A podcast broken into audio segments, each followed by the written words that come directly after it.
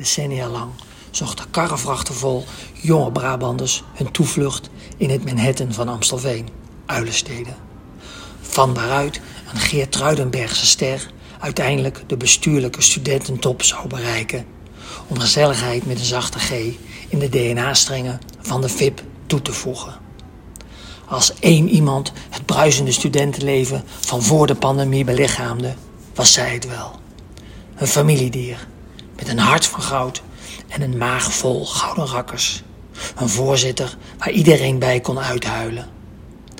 Na hoofdzakelijk s'nachts op bier geleefd te hebben, koos ze noodgedwongen voor een verdieping in de gezondheidszorg. Nee, dat is natuurlijk niet waar. Ze is gewoon super. En leuk. Superleuk dus. Mag ik aan u voorstellen? Sanne Westerhout.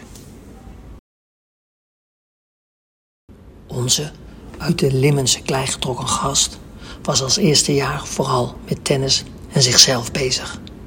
Dat navelstaren veranderde rigoureus in een rol als medewerkster. Ze werd een op de buitenwereld gerichte alleskunner. Docent, fotograaf, zangeres, FBW'tjes-publiciste, Twitterkoningin, perschef en eerstejaars lokster.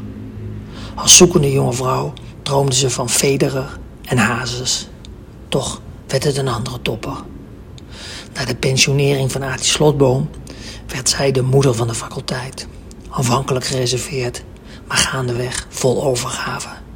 En in die rol werd ze de meest toegezongen vrouw van bewegingswetenschappen. Haar werk werd haar familie. We hebben het over Brenda van Keken.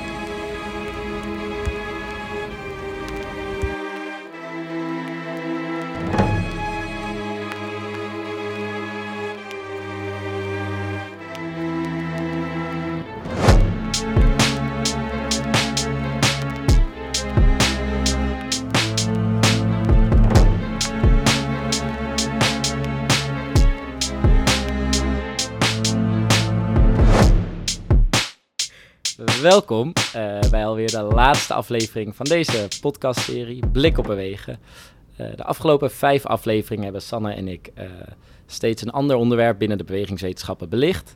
Maar vandaag staat er toch echt een iets ander onderwerp op het, ja, op het programma, namelijk de beweesstudent. Ehm, Sanne en ik hadden het idee dat die toch wel een bepaald type student meestal hier rondloopt. Maar tegenover ons twee experts op dat gebied.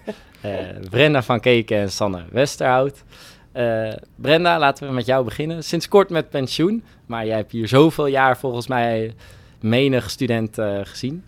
kan je dat kort schetsen misschien? Kort? ja, je jezelf ook misschien even voorstellen voor de ja, voor, de... voor die ene wetenschapper die jou misschien nou, niet ik kent. ben van Keken. ik heb hier gestudeerd van uh, 19, moet ik even opzoeken, 74 tot 1983. Toen heette het nog de IFLO, Interfaculteit Lichamelijke Opvoeding. En daarna ben ik blijven hangen, zo kan ik dat wel noemen. Ik zou... Uh, toen ik afgestudeerd was, wist ik, of eigenlijk voordat ik ging afstuderen, had ik al geen idee wat ik daarna zou gaan doen. En ik uh, deed het af, de afstudeerrichting inspanningsfysiologie. En met de vakgroep inspanningsfysiologie zaten wij in de Vondelstraat 48. In het centrum van Amsterdam. En daar had ik een eigen kamer, die had ik me een beetje toegeëigend. Mm En ik dacht, jeetje, wat moet ik hierna nou gaan doen? En toen had ik bedacht dat ik misschien wel het uh, literatuurarchief van Peter Hollander en Gert de Groot in kaart zou kunnen gaan brengen. Want toen had je natuurlijk nog gewoon gekopieerde artikelen. Dus mm -hmm. het was natuurlijk allemaal niet digitaal.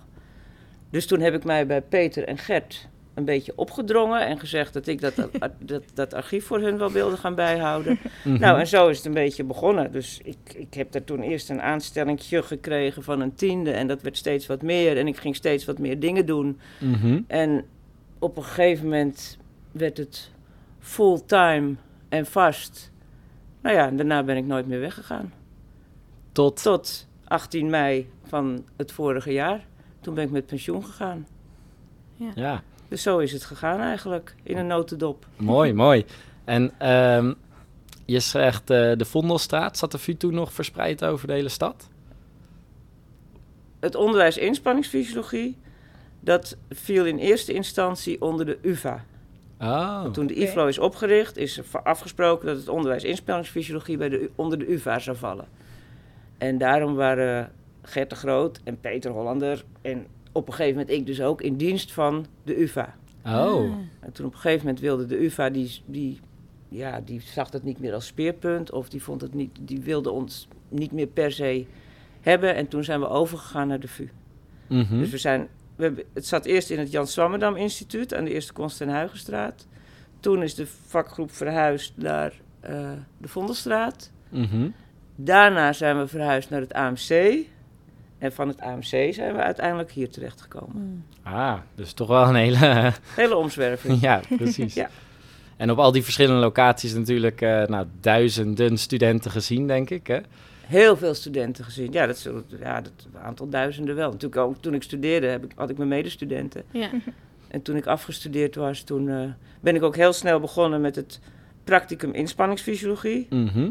Dat gaven dus toen vanuit, ik denk vanuit de Vondelstraat. Dat, eh, dat was op het WG-terrein.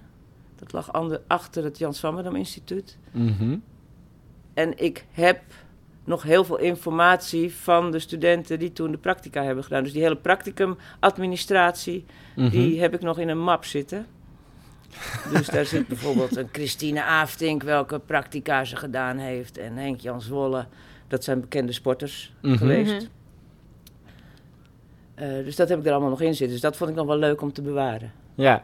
ja, en dat niet alleen, hè? Want eh, afgelopen jaar, eh, nou ja, goed, als laatste klus voor jouw pensioen heb je volgens mij het hele archief van BW eh, doorlopen. Ja, Nou, toen zijn we samen naar de, naar de vierde verdieping hier in de medische faculteit gelopen. Toen liet jij mij in G418 het archief zien.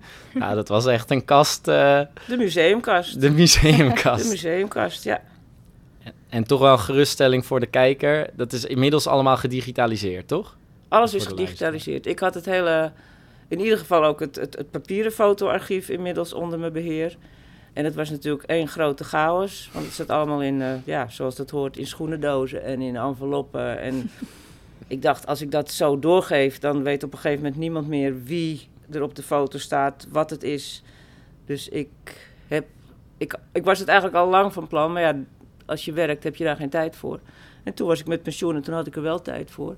Dus toen heb ik het allemaal uitgezocht en alle dubbele weggegooid. Er was natuurlijk heel veel dubbel of vage foto's. Mhm. En geprobeerd om zoveel mogelijk te achterhalen wat voor eh, gelegenheden het waren. Dus in de enveloppen gestopt, erop geschreven wie het was. Vaak ook er nog opgezet welke personen het waren. Maar ja, op een gegeven moment kon ik natuurlijk niet op alle foto's zetten wie- erop stonden. Dus ik dacht ik, ja, dat, dat houdt op een gegeven moment ook een beetje op. En Peter Hollander weet, wist natuurlijk nog wel veel mensen die, die op die foto stonden. Dus dat Mhm. heb ik allemaal netjes achtergelaten en overgedragen aan Geert Buitenweg. Samen met het, eh, het digitale fotoarchief. Ja. En alle videobestand, videobanden die ik nog had. Bijvoorbeeld van oude opnames met Jos de Koning bij Studiosport. En van Gerrit-Jan van Ingen Scheenau in het begin van de klapschaats. Dat stond allemaal natuurlijk op VHS-banden. Dus dat heb ik allemaal laten digitaliseren. En dat Mhm. staat nu allemaal op MP4. En als het goed is. Het idee is eigenlijk om dat ook nog beschikbaar te stellen voor de alumni bewegingswetenschappen. Omdat het natuurlijk anders zonde is als het maar Mhm. ergens alleen Licht. voor een beperkt Ja. groepje mensen beschikbaar is. Want het is echt heel leuk materiaal. Ja. Ook bijvoorbeeld nog eh introductiefilm van eh, tw- 20 jaar of langer geleden. ja. Zo, ja, dat is wel leuk om te zien, introductieweek. Dat is ontzettend leuk om te zien. Ik weet niet of elke gemiddelde vader die zichzelf nog eh, terug wil wil zien. Nee. Die inmiddels kinderen thuis Ja, heeft. dat is heel... staat ongetwijfeld wat beschamend materiaal op, of Ja. niet? Ik zal nu even niet vertellen wat erop staat, maar ik kan wel leuke dingen vertellen. Ja. Maar het was wel heel erg leuk. Ja, gaaf. Dus gaaf. ik hoop ook dat, eh, dat dat ergens beschikbaar gesteld wordt. Ja. Niet op een openbare plek, maar dat alumni in ieder geval via een bepaalde toegangscode daar dan ook eh, toegang toe kunnen Ja. krijgen. Ja. Nou, gaaf, Ja. gaaf. Want ehm, in al die studenten, jij zeggen het net al, je hebt echt duizenden studenten voorbij zien komen. En het is eh, niet voor niets dat we nu een hele aflevering besteden aan de BW-student. Eh, want we hebben toch het idee dat dat een bepaald type is, bepaald soort. Hoe zou jij met jouw ervaring met zoveel studenten de BW-student omschrijven? Ja, ik zeg, het, het, ja, het, het zijn gewoon leuke mensen. en als je hier beneden ook, je pikt ze er ook altijd uit. Ze zijn sportief, ze zijn, eh, ze, ze zijn open, uh, ze zijn bereid om, om dingen te doen. Dat heb ik natuurlijk met de voorlichting ook altijd gemerkt. En dat zie je ook altijd aan de studenten die, uh, die, die, die het VIP-bestuur zitten en die in al die commissies van de VIP zitten. De meeste studenten die, die vinden het gewoon leuk om wat te doen. En die, die, die, die, ja, die, die voelen zich bij wijze van spreken ook, ook trots dat ze bij bewegingswetenschappen zitten. Mhm. En er zijn er natuurlijk altijd een paar die dat wat minder hebben. Maar het, het grappige vond ik ook altijd. Uh, we hadden natuurlijk vroeger altijd met de introductieweek. Uh, dan had je op. Uh, nou, of aan het begin van de week of aan het eind van de week een gezamenlijke borrel. En dan, dan, dan werden de docenten ook altijd bij uitgenodigd. En je, je kan al die jaren, als ik daar dan stond, dan, en dan keek je naar die studenten en je zag gewoon kopieën van de studenten van de jaren. Ja.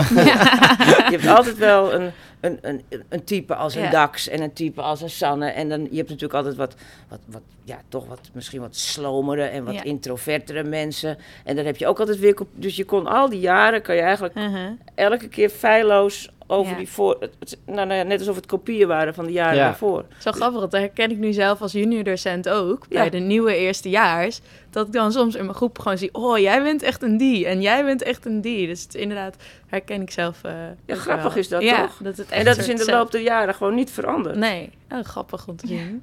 Ja, mijn eerste dag bij de introductieweek eh, kwamen ze naar me toe. Oh, jij bent echt de nieuwe Emma Potman. Ja, Oké, ja, geen idee wie het is. Maar Ja, ja. Klopt. ja, dat is echt... Ja, wat Eh, Sanne, je hebt... eh, eh, we hebben je nu al vaker wel gehoord, maar je nog niet even voorgesteld. Dus misschien kan je jezelf ook nog even zo even kort voorstellen. En herken jij bijvoorbeeld in de beschrijving die Berna dan Ja, net geeft van studenten? Ja, ja, nou, mijn verhaal is een stuk korter. ik ben pas begonnen met studeren in 2018, als ik het goed zeg. Ik was 17 toen ik hier begon, dus nog echt een jonkie. Zeker. En eh, ja, nu vier jaar verder. eh, einde van mijn bachelor. Dus dat is ook allemaal spannend, de afrondende fase. Mhm. En eh, ja, mijn mede bewegingswetenschappen studenten. Ja, ik herken me inderdaad heel erg eh, in Brenna. En ook vooral dat, dat enthousiasme heb ik altijd bij- binnen bewegingswetenschappen. Dus waar de, de normale studenten gewoon een beetje ja, rond in de MF rondlopen, zou een bewegingswetenschappen bij wijze van spreken huppelen. Gewoon dat, dat lekker dat enthousiasme en dat nergens bang voor zijn en gewoon doen. En Ja. ja, ja dat een beetje. Ja, en Sanne, we hebben jou natuurlijk ook mede uitgenodigd. Niet alleen omdat je nu student bent en dat toevallig het onderwerp is van, eh, van deze aflevering, maar ook omdat je afgelopen jaar in het eh, dagelijks bestuur zat Ja. van de VIP. Ehm, herken je eh, ook nog die eigenschappen? Afgelopen jaar was best wel ja, een lastig jaar natuurlijk met alle coronamaatregelen. Niet alles kon zomaar, alle activiteiten. Hoe, hoe pakte de gemiddelde bewegingswetenschapper dat op? En hoe hebben jullie dat Ja, gedaan? Ja, eigenlijk was het eh, ondanks de corona vorig, vorig jaar gewoon nog steeds super gezellig en leuk. En mensen zochten elkaar op. En dan natuurlijk wel houden aan de regen, dingen.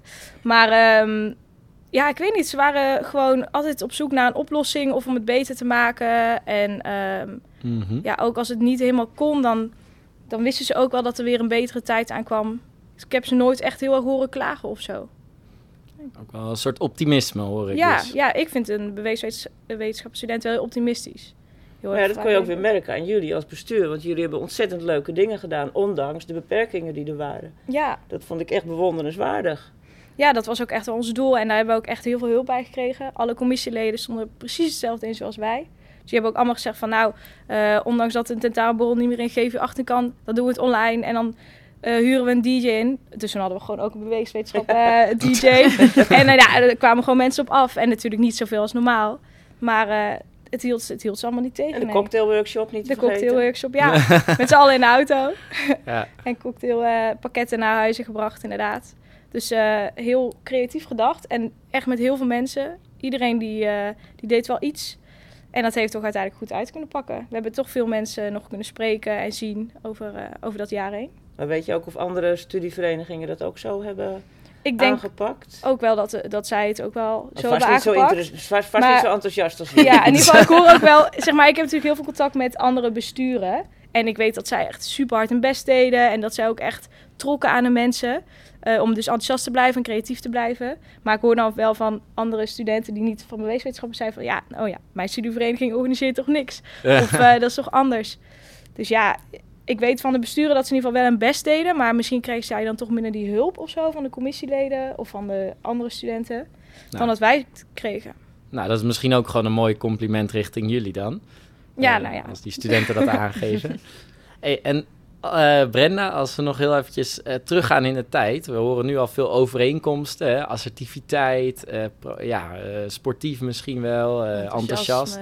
ja. Ehm, er moeten toch ook verschillen zijn eh, ontstaan als je kijkt naar de Nou studenten ja, als je nou 40 één jaar groot geleden. verschil natuurlijk wilt weten, is dat studenten het tegenwoordig hebben over school. Om maar even mijn stokpaardje erbij te Oh ja, deze is bekend. Ja. En vroeger studeerden de studenten, maar tegenwoordig gaan ze naar school. Maar wat is dan het verschil? Wat het verschil is tussen studeren en school? Mhm. Wat zeg jij? Nou ja, goed. Ik weet dat jij hier altijd... eh, Een school, kijk, als je een HBO is een school. En Mhm. dan zit je ook in een klas. En dan heb je gewoon, en dat, dat veel meer verplichtingen. en, Mhm. en, en, en bij studeren komt er toch meer op je, op je, eigen, op je eigen verantwoordelijkheid terecht. Mhm. Neer. Niet terecht, neer. En dan ook misschien dat, eh, dat het meer uit eigen interesse komt? Meer het eigen interesse. En dat het niet zozeer moet zijn dat je, dat, dat je, dat je nou per se gaat leren om dat, om dat punt te halen. Of omdat je een tentamen hebt, maar meer een soort intrinsieke motivatie. Maar heb je En- dan het idee dat ehm, die eigenschap dan ook veranderd is over de jaar? Dat de Bij studenten sommige mensen heb ik wel... Ik, so- meer die intrinsieke interesse hebben... en dat studenten nu gewoon op een of andere manier meer behoefte hebben... aan iets meer Aan aan de hand meegenomen worden? Ja, en dat worden ze natuurlijk ook. Want in het eerste jaar worden ze natuurlijk ook meer aan de hand meegenomen. Mhm. Maar vervolgens worden ze dan in het tweede jaar weer wat meer losgelaten. Ja. En vroeger, want nu heb je natuurlijk je hebt tussentoetsen en bonustoetsen en, en allemaal, ik weet niet precies hoe dat allemaal heet. En dat had je vroeger veel minder. ja. Vind je dat dan Overigens een was ik ook niet zo'n hele intrinsiek gemotiveerde student hoor. Ik was een behoorlijk slechte student. Ja, want daar was ik dus ook wel benieuwd naar. Van hoe was je nou zelf als student? En we hadden het er vanmiddag even over. Jij hebt best wel veel eh, van de huidige medewerkers van de faculteit als student gezien. En in mijn ogen zijn dat allemaal hele goede medewerkers. Zijn ontzettend goed in hun vakgebied. Dus dan denk je meteen, oh, dat was vast ook een hele goede student. Nou, als Maar- ik naar mezelf kijk, ik was volstrekt geen goede student. Ik heb de Nee? cijferlijsten nog wel. Nou, het is jammer dat ik dat nu niet bij me heb. Maar het is echt, eh, echt niet zo goed hoor. Maar ik was, ik was toen eigenlijk voornamelijk bezig op die tennisbaan. Mhm. Ik, ik deed ook nooit mee vroeger aan. eh, ik, ik deed heel weinig mee aan de studieactief of aan de studentenactiviteiten. Soms hebben mensen denken wel eens dat ik de, de VIP bijvoorbeeld heb opgericht, maar dat is volstrekt niet waar. Dat heeft Frits Brouwer gedaan. En toen heette het nog eh, Solo. Studentenorganisatie Lichamelijke Opvoeding. Ja. Want heb je dat vaker gezien bij andere medewerkers die dus als student... Want ik heb het in eerdere podcasts volgens mij ook bij een aantal wel gehoord van... Nou, als student was ik eigenlijk helemaal nog niet zo eh, intrinsiek mee bezig of zo gemotiveerd. Maar die uiteindelijk dus wel echt bij BW ook op de faculteit blijven Ja. werken. Heb, zie je dat veel hier? Heb je dat veel gezien? Nou, ik kan natuurlijk niet zo makkelijk zeggen wat andere mensen of andere mensen wel of niet intrinsiek gemotiveerd Nee, zijn. Maar wat misschien ik nu wel gezien als wel student? merk, en dat heb je ook, ook wel met, eh, met de mensen die, ja, hoe moet je dat nou zeggen? Nou, zoals bijvoorbeeld met het seminar merk je dat ook wel. Dat mensen toch echt wel, ze moeten natuurlijk een aantal seminars, vroeger heette dat werkbesprekingen, dus de seminars moeten ze bijwonen om op een gegeven moment eh een masterbul te kunnen halen. Mhm. En dat sommige mensen dat wel heel erg als een kruidenier eh, benaderen. Want in het begin, soms zijn er, zijn er drie presentaties bij een seminar. En soms is er één presentatie bij een seminar. En dan gaan ze liever En- naar die met één Dan gaan ze presentatie. liever niet met één. Of dan krijg ik bijvoorbeeld een mailtje van... ja, maar er waren er nu drie. Telt dat dan ook als drie seminars? En dan denk ik wel van nou, dat is wel... eh, dan, dan gaat het je wel heel erg alleen om, om de punten Ja. te halen. Ja. Ja. Zie je dit ook terug bij jouw generatie studenten, Sanne? Dat ze wat minder intrinsiek gemotiveerd zijn? Ja, dat dat er misschien nog niet helemaal is. Dat het misschien wat later Ja, dat kan later komt. komen. Ehm, ja, weet ik niet. Ik denk dat beweeswetenschap is natuurlijk ook een hele brede studie. Mhm. En ik denk dat ook heel veel studenten niet zo, in het begin niet zo heel goed weten wat ze willen. Nee. En eh, ja, bijvoorbeeld met zo'n Bob of, of met zo'n scriptie komt pas echt die specialisatie. Of in ieder geval dat soort van willen kijken wat bij jou past. Maar ja, het kan ook gewoon zijn dat je dan een, richting kiest waarvan je zegt... nou, is toch helemaal niks voor mij. Nee. Dus ik denk in dat opzicht dat ze gewoon nog aan het zoeken zijn of zo. Dat Ja. nog niet heel goed weet. Ik, ook als ik voor mezelf spreek, ik weet het zelf ook nog niet. En ik denk dat iedereen wel weet van, nou, we komen toch wel op, op, eh, op eh, ons pootjes terecht. Het komt allemaal wel goed. Maar ja, hoe of wat, in welke richting en is dit iets wat bij me past? Ja, dat is natuurlijk allemaal nog wel af en toe een vraag. Ik denk Ja. dat dat er ook mee te maken heeft. En heb je ook het idee dat, eh, zeg maar, naast uitvinden wat jou nou precies interesseert, welk vakgebied binnen de bewegingswetenschappen, dat studenten ook nog een beetje eh, zichzelf aan het professionaliseren zijn? Dus dat, dat studenten gedurende hun studie ook pas veel meer bezig zijn, echt serieus met het studeren. Dus dat je. Ja, ja, heel erg. Ik merk het echt bij ook al mijn vrienden en ik zelf natuurlijk. Eh, als je jong bent, dan, ja, dan ben je als ook op je zoek. jong bent. als ik jong ben, ik ben nog steeds jong. Maar eh, in, die, die eerste jaren, dan, ja, dan heb je dat studentenleven. En dat is natuurlijk ook heel belangrijk dan. En, en eh, dan is het juist belangrijk dat ook zo'n studie interessant blijft. En dat dat je int- interesse blijft wekken. Want anders dan, ja, dan ben je gewoon weg. Ehm, dus ja, de- die verleidingen van het studentenleven, die heb je dan veel meer. En iedereen wil dat ook een keertje hebben meegemaakt. En ja, na een aantal jaar komt denk ik toch steeds meer in beeld van... nou, ik ga nu toch ook wel iets meer focussen op mijn studie. Om te kijken wat er van me terecht gaat komen en Mhm. waar ik heen wil. En waarom is dat? Gewoon op een gegeven moment... eh, kan je 24-7 niet meer zo brak door het leven, denk ik. nee, grappig. Ja, ja, gewoon. Ik denk dat je op een gegeven moment ook...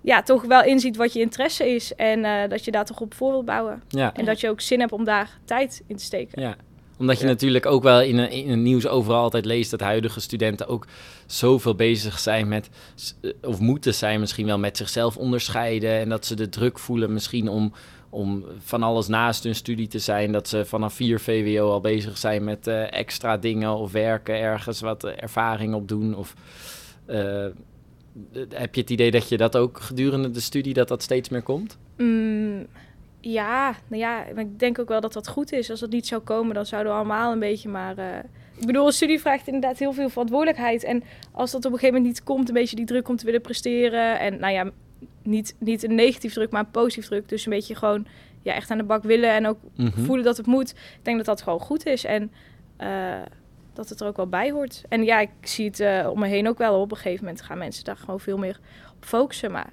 die mensen die gaan ook ergens heen. Ja, Ja, maar ik denk dat voor sommige mensen is het gewoon ook nog te vroeg om te gaan studeren. Ja, Ja. Eigenlijk zou ik, ik, ja, dat noemde ik altijd heel oneerbiedig. Die, die jongens die een beetje, ja, ik zei dan altijd uit het oosten van het land, zei ik dan altijd, maar dat is natuurlijk een beetje oneerbiedig. Maar die, en dan gingen die hier op kamers, ja, dat is nu natuurlijk met corona ook allemaal een beetje anders. Maar dan moet je je voorstellen dat je uit eh, nou ja, het oosten van het land komt en dan kom je hier op kamers. Dan ben je echt niet geïnteresseerd in maandagochtend om 9 uur om, om in, een, in een college. Dan heb je wel hele andere dingen aan je hoofd als je als 18-jarige jongen hier naartoe komt. ja. En dat, dat zag je er wel. Je, dat heb ik in de loop der jaren toch wel heel veel gezien. Dat met name die jongens eh, in het begin maar een beetje liepen te, te klootviolen. En heel veel andere dingen aan hun hoofd hadden. En heel veel meisjes, dit is natuurlijk, het geldt voor de grote groep, niet voor iedereen. Maar die meisjes, die zag je nou van het begin af aan. En hadden ze zo'n heel boek van inspanningsfysiologie, zo'n dik boek. En die zaten dan met 85 verschillende kleuren stiften. dat allemaal in dat boek te markeren. En die jongens daar dachten dan een, een paar goed? dagen Ja. van tevoren. Dan, dan ging dat boek een beetje zo, voor het tentamen ging dat boek een beetje zo, zo krakend open. Ja. En dan gingen ze dus beginnen aan de tentamen voorbereiden. En die meisjes waren vanaf, het- want die waren soms, maar dat is natuurlijk heel generaliserend, hè. Maar dat is, meisjes zijn dan serieuzer dan jongens Mhm. op die leeftijd. ja. En eh, heb jij eh, een beetje zicht op waar iedereen uiteindelijk een beetje terecht is gekomen? Want ook dat soort jongens komen die dan uiteindelijk... Ja, Want ik hoor jou net zeggen, Sanne, volgens mij komen we allemaal uiteindelijk wel op onze pootjes terecht. er zijn, de meeste komen heel goed terecht. En er zijn er die komen, in, het, het is heel divers hè, waar iedereen terecht komt. En dat, dat, ja, dat is, valt, voert nu een beetje, denk ik, te ver om, om, om, om dat helemaal uitgebreid te gaan zitten bespreken. Maar het is echt heel divers. Mensen komen overal terecht. Mensen gaan ook hele andere kanten op. Ja. Niet omdat ze niet iets kunnen vinden, maar omdat opeens ergens iets, iets anders tegenkomen wat, wat hun interesse heeft. Ja, het is op zich best interessant, denk ik hoor, om een paar, om wat dingetjes... Nee, maar wat jij nu, nu zegt, maar wat, wat je dan ook wel, omdat we het over die jongens hadden die in het begin gewoon nog niet zo gemotiveerd zijn en gewoon hele andere dingen aan hun hoofd hebben, Mhm. die komen vaak heel erg goed terecht. Die zijn inmiddels dan hoogleraar ergens geworden. En vaak die, die waren ook heel, best wel creatief tijdens de studie. En, en, en vaak die hele serieuze meisjes, die dan ja, soms ook niet zo goed, niet zo creatief waren. Dus die waren wel heel cons conscientieus. En, en die waren wel heel serieus. Mhm. Maar bijvoorbeeld met een, een bachelor onderzoeksproject of zo. En als er dan iets, een beetje iets tegen zit. Ja, dan zijn dat vaak de types die dan. Oh, die weten ze niet wat ze moeten doen. En die jongens die. Een aantal van die jongens die, nou, die gaan er een beetje makkelijk mee om. En die denken, oh, er komt wel een oplossing voor. Dus je Mhm. ziet het, het feit. Volgens mij is ook het, het, het, het, eh, het studiesucces. Of, of wat je in het eerste jaar eh, aan punten haalt, is absoluut niet representatief voor hoe je uiteindelijk later terechtkomt. Hm. Want er zijn heel veel van die, ja, van die gasten die, waar sommige, sommige mensen misschien dachten van, nou ja, daar komt helemaal niks van terecht. Die zijn gewoon allemaal heel goed terechtgekomen. Heb je anderen van- voorbeelden? en anderen waarvan je dacht van, nou, dat, dat zijn wel hele goede, goede studenten. Ja, die zie je dan op een gegeven moment een beetje wegvallen. Ja, ja. En heb je, want ik zeg net gekscherend, heb je voorbeelden? Nou, dan hoef ik niet per se namen te noemen, maar eh, eh, heb je eh, toevallig voorbeelden, dat vroegen Sanne en, eh, en ik ons af, van de gekste positie waar- waarvan mensen terecht zijn gekomen? Of dat je denkt, nou, waar die nou is terechtgekomen, of waar, of, of juist Of je- heel ja, een mooie hele posities. gave positie. Of, Nou ja, er zijn natuurlijk wel best wel heel veel alumni uiteindelijk als hoogleraar ergens terechtgekomen. Mhm. En ik, ik kan nu zo niet zeggen van gekke dingen. Het zijn toch Hm. het zijn wel dingen die een beetje in de lijn der... Als het gewoon binnen bewegings, met bewegingswetenschappen is. Hè, dat Mhm. toch wel, of als docent ergens, of, of als, als, als eh, coach van een, van, een, van een nationale coach van een bepaalde sport. Of, of, of, of trainer, of Mhm. eh, onderzoeker. Dus dat... Maar het, Wel is wel overal. In de lijn van de bewegingswetenschappen dus. Maar er zijn ook wel in, die een hele andere kant op gegaan zijn. Die bijvoorbeeld nu een bed and breakfast er in, in Noorwegen hebben. Ja, oh, dat is... eh. Of in Haarlem. Dus is er ook eh, iemand die een, bed and breakfast in Haarlem heeft. Zouden jullie ook zeggen dat eh, bewegingswetenschappers al dan niet als werk of in hun privéleven echt ondernemend zijn? Nou, niet iedereen natuurlijk. Nee. Er zijn er ook die, die, die toch een beetje de, de, het geëikte pad bewandelen. Maar de een is wat ondernemender dan de ander. En, en er zijn erbij die denken op een gegeven moment... nou, dit, dit is toch niet wat ik wil. En ik word bijvoorbeeld sportfotograaf. Is er ook iemand? Ja, Ja, ik denk het wel. Dat er van beweeswetenschap ook wel veel ondernemers zijn. Ik bedoel, eh, heel vaak heb je tussen je bachelor en master zo'n halfjaartje. Als mensen 3,5 jaar hebben gedaan over een bachelor. Mhm. Nou, of stage, of een extra vak, of eh, weet ik veel. Ze gaan helemaal een reis maken dat er ook hier en daar iets mee te maken Op heeft. met zo'n manier ondernemend. Ja, dat ja. is echt een, een- onderneming. In een vind vrije. Ja, tijd, daarom- zeg maar, vind ik beweeswetenschappen heel Ja, ondernemend. zeker. En Die ook, zijn heel ondernemend. ja ik bedoel het dat- beide, beide manieren inderdaad hoor. Als werk ook, maar ook, ik bedoel het ook in privézetting. ja. Nee, maar ze zijn wel heel vaak van extra dingen nog doen. ja, ze zitten en niet wat je stil. zegt, nog een, nog, een, nog een extra stage doen. Ja. Ja, want Sanne, jij zegt, eh BW is er best wel wat ernaast. Jij hebt zelf natuurlijk ook je bestuursjaar ernaast gedaan en volgens mij nog wel meer dingen. Eh, wat heb je daar nou uit meegenomen als student zijnde? Wat heb je daar voornamelijk van geleerd? En zou je het anderen ook adviseren Ehm. van, het kost misschien extra tijd, een bestuursjaar kan je niet in je driejarige bachelor passen, zeg maar. Dan, dan loop je uit met je studie. Nee. Ehm, ik heb het zelf ook gedaan, maar en ik zou ook zeggen, is het waard? Zou je kunnen omschrijven Ja. waarom dat zo is? Ja, ik vind het zeker waard. Het heeft me nu al heel veel gebracht. Eh, nou, ten eerste, het is gewoon super gezellig, super leuk. Je leert echt samenwerken met een, met een team. Ehm, en ik denk dat het ook heel mooi was aan mijn functie dat ik heel eh, goed leerde samenwerken met onder andere de faculteit. En ook eh, nou ja, de mensen die hier werken. Dus natuurlijk als student, docent heb je een bepaalde band. Maar door zo'n ehm, jaar in, in het dagelijks bestuur leer je dat toch wel veel meer eh, op af te stappen en, en ook je daarin te verdiepen. Dus het, ja, je, je durft iets meer en je ziet iets meer. En ja, dat heeft mij wel heel veel gebracht, denk ik. En je ik wordt denk dat ik- uitgenodigd voor podcast. Ja, precies.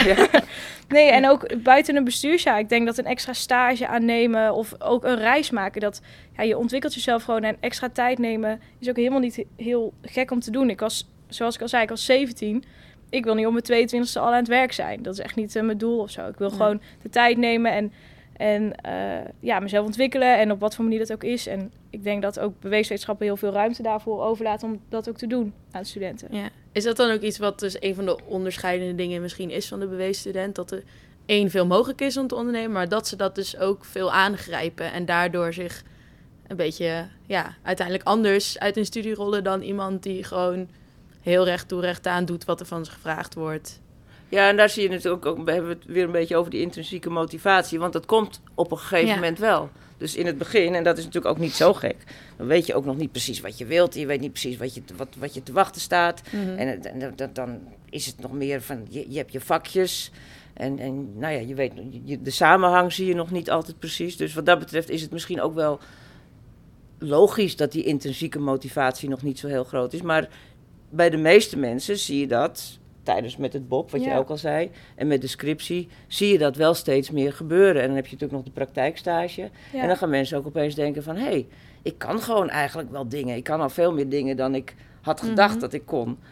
Ja, precies. En- En, ik denk dat, dat je als student er ook heel erg in wordt geholpen. Dus bijvoorbeeld zo'n docent, die die heeft dan een vak afgerond. En het eerste wat hij doet is een mededeling plaatsen met... oh, ik heb nog een stage voor eh, twee of drie personen. En ze denken altijd mee. En, en ook als ze, ja, als ze bijvoorbeeld weten van... nou, ik heb iemand nodig. eh, dan kan ik eh, iemand vragen die er al ervaring mee heeft. Maar ik heb het idee dat mensen binnen beweeswetenschappen ook heel erg graag mensen de kans willen geven om te leren. Dus dan zeggen ze, nou, dan neem ik in plaats van iemand die al jaren het werk doet, eh, bied ik een sta- stage aan of zo. Dat is in ieder geval wat ik altijd een beetje meekrijg van. Ja. Laten we gewoon studenten erbij betrekken en, en hun mening ook horen.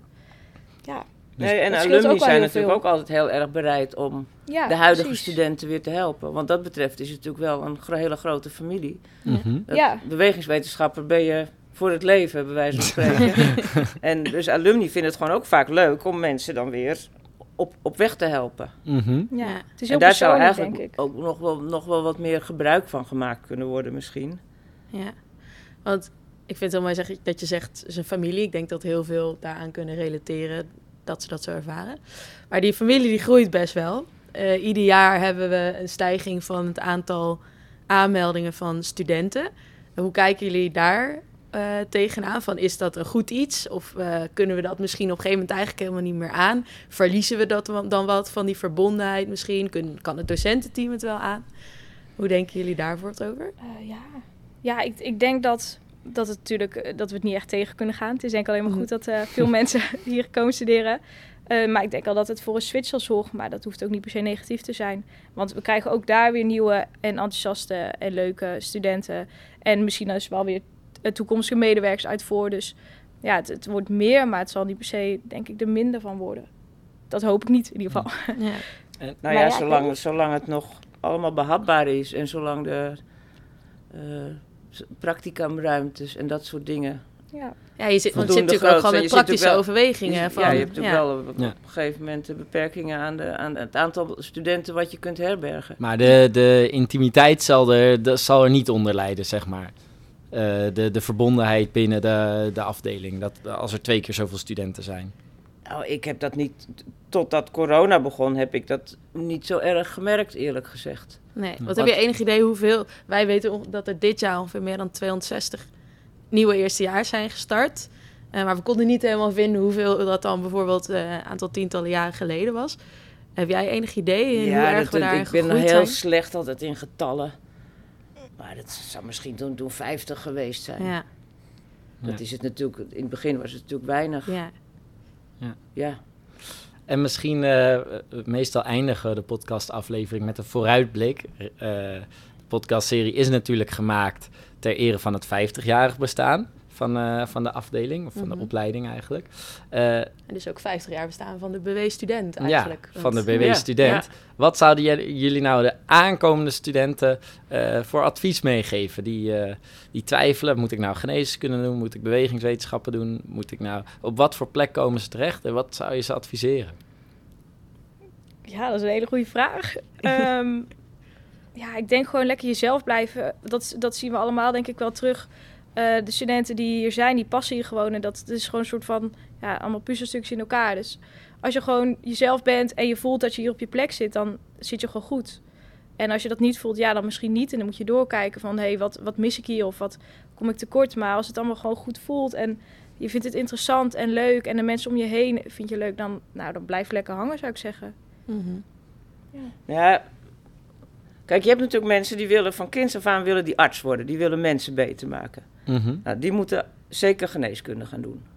Maar als mensen denken van ik ga geneeskunde doen omdat ik het interessant vind hoe het lijf functioneert, dan denk ik dat ze veel beter bewegingswetenschappen kunnen Ja. gaan doen, omdat je er daar veel meer over leert. En je leert natuurlijk toch wel kritischer nadenken. Maar mensen die echt arts willen worden en die mensen beter willen maken, die moeten geneeskunde gaan doen of fysiotherapie. Maar als je geïnteresseerd bent hoe het, hoe, hoe, hoe, hoe het functioneert, dan eh, ben je natuurlijk bij bewegingswetenschappen veel beter eh, op je plek. Ik vond het ook zo leuk. Kijk, want ik ben natuurlijk gewoon ook altijd een beetje trots op onze studenten en op onze afgestudeerden. Als ik bijvoorbeeld dan zo'n groepsfoto maak met de bachelorbul-uitreiking of met de masterbul-uitreiking, denk ik, moet je nou eens kijken wat er allemaal staat. Ja. Dat vind ik echt zo leuk. Ja. En toen jullie met het bestuur, want het bestuur heeft mij eh erelid van de VIP gemaakt en dat wist ik natuurlijk niet. En toen vorig jaar, in de zomer, toen ik, ik zat in een huis en ik hoorde wat jonge lui op straat. en ik, ik, ik een beetje zo, maar ik zag het niet. En toen werd er aangebeld of geklopt, want de bel deed het waarschijnlijk niet. En toen ga ik, ga ik altijd eerst even uit de slaapkamer kijken. En toen zag ik hem met z'n allen staan, het hele bestuur. En toen, nou, Peter die wist het, dus die zat in het complot. En ze hadden taartjes mee en we hebben gezellig in de tuin gezeten. En ik heb oorkonden gekregen en prachtige slippers. En dan zitten jullie daar zo. En denk ik, ja, dan voel je je gewoon trots om... eh, denk ik van, wat geweldig. Dat, dat zulke leuke jonge mensen die dat... eh, ja, Ja. Ja. Mooi. Ja, nou, Dus het was ook heel leuk om te doen hoor. Toen heb ik Ja. ook het archief gezien. Hebben we Ja. de foto's bekeken. Ja. Dus dat is echt zo leuk. Dus wat dat betreft, je, en ik denk dat heel veel ook van de medewerkers dat ook zo voelen naar de studenten toe. Dat je gewoon trots bent op die mensen.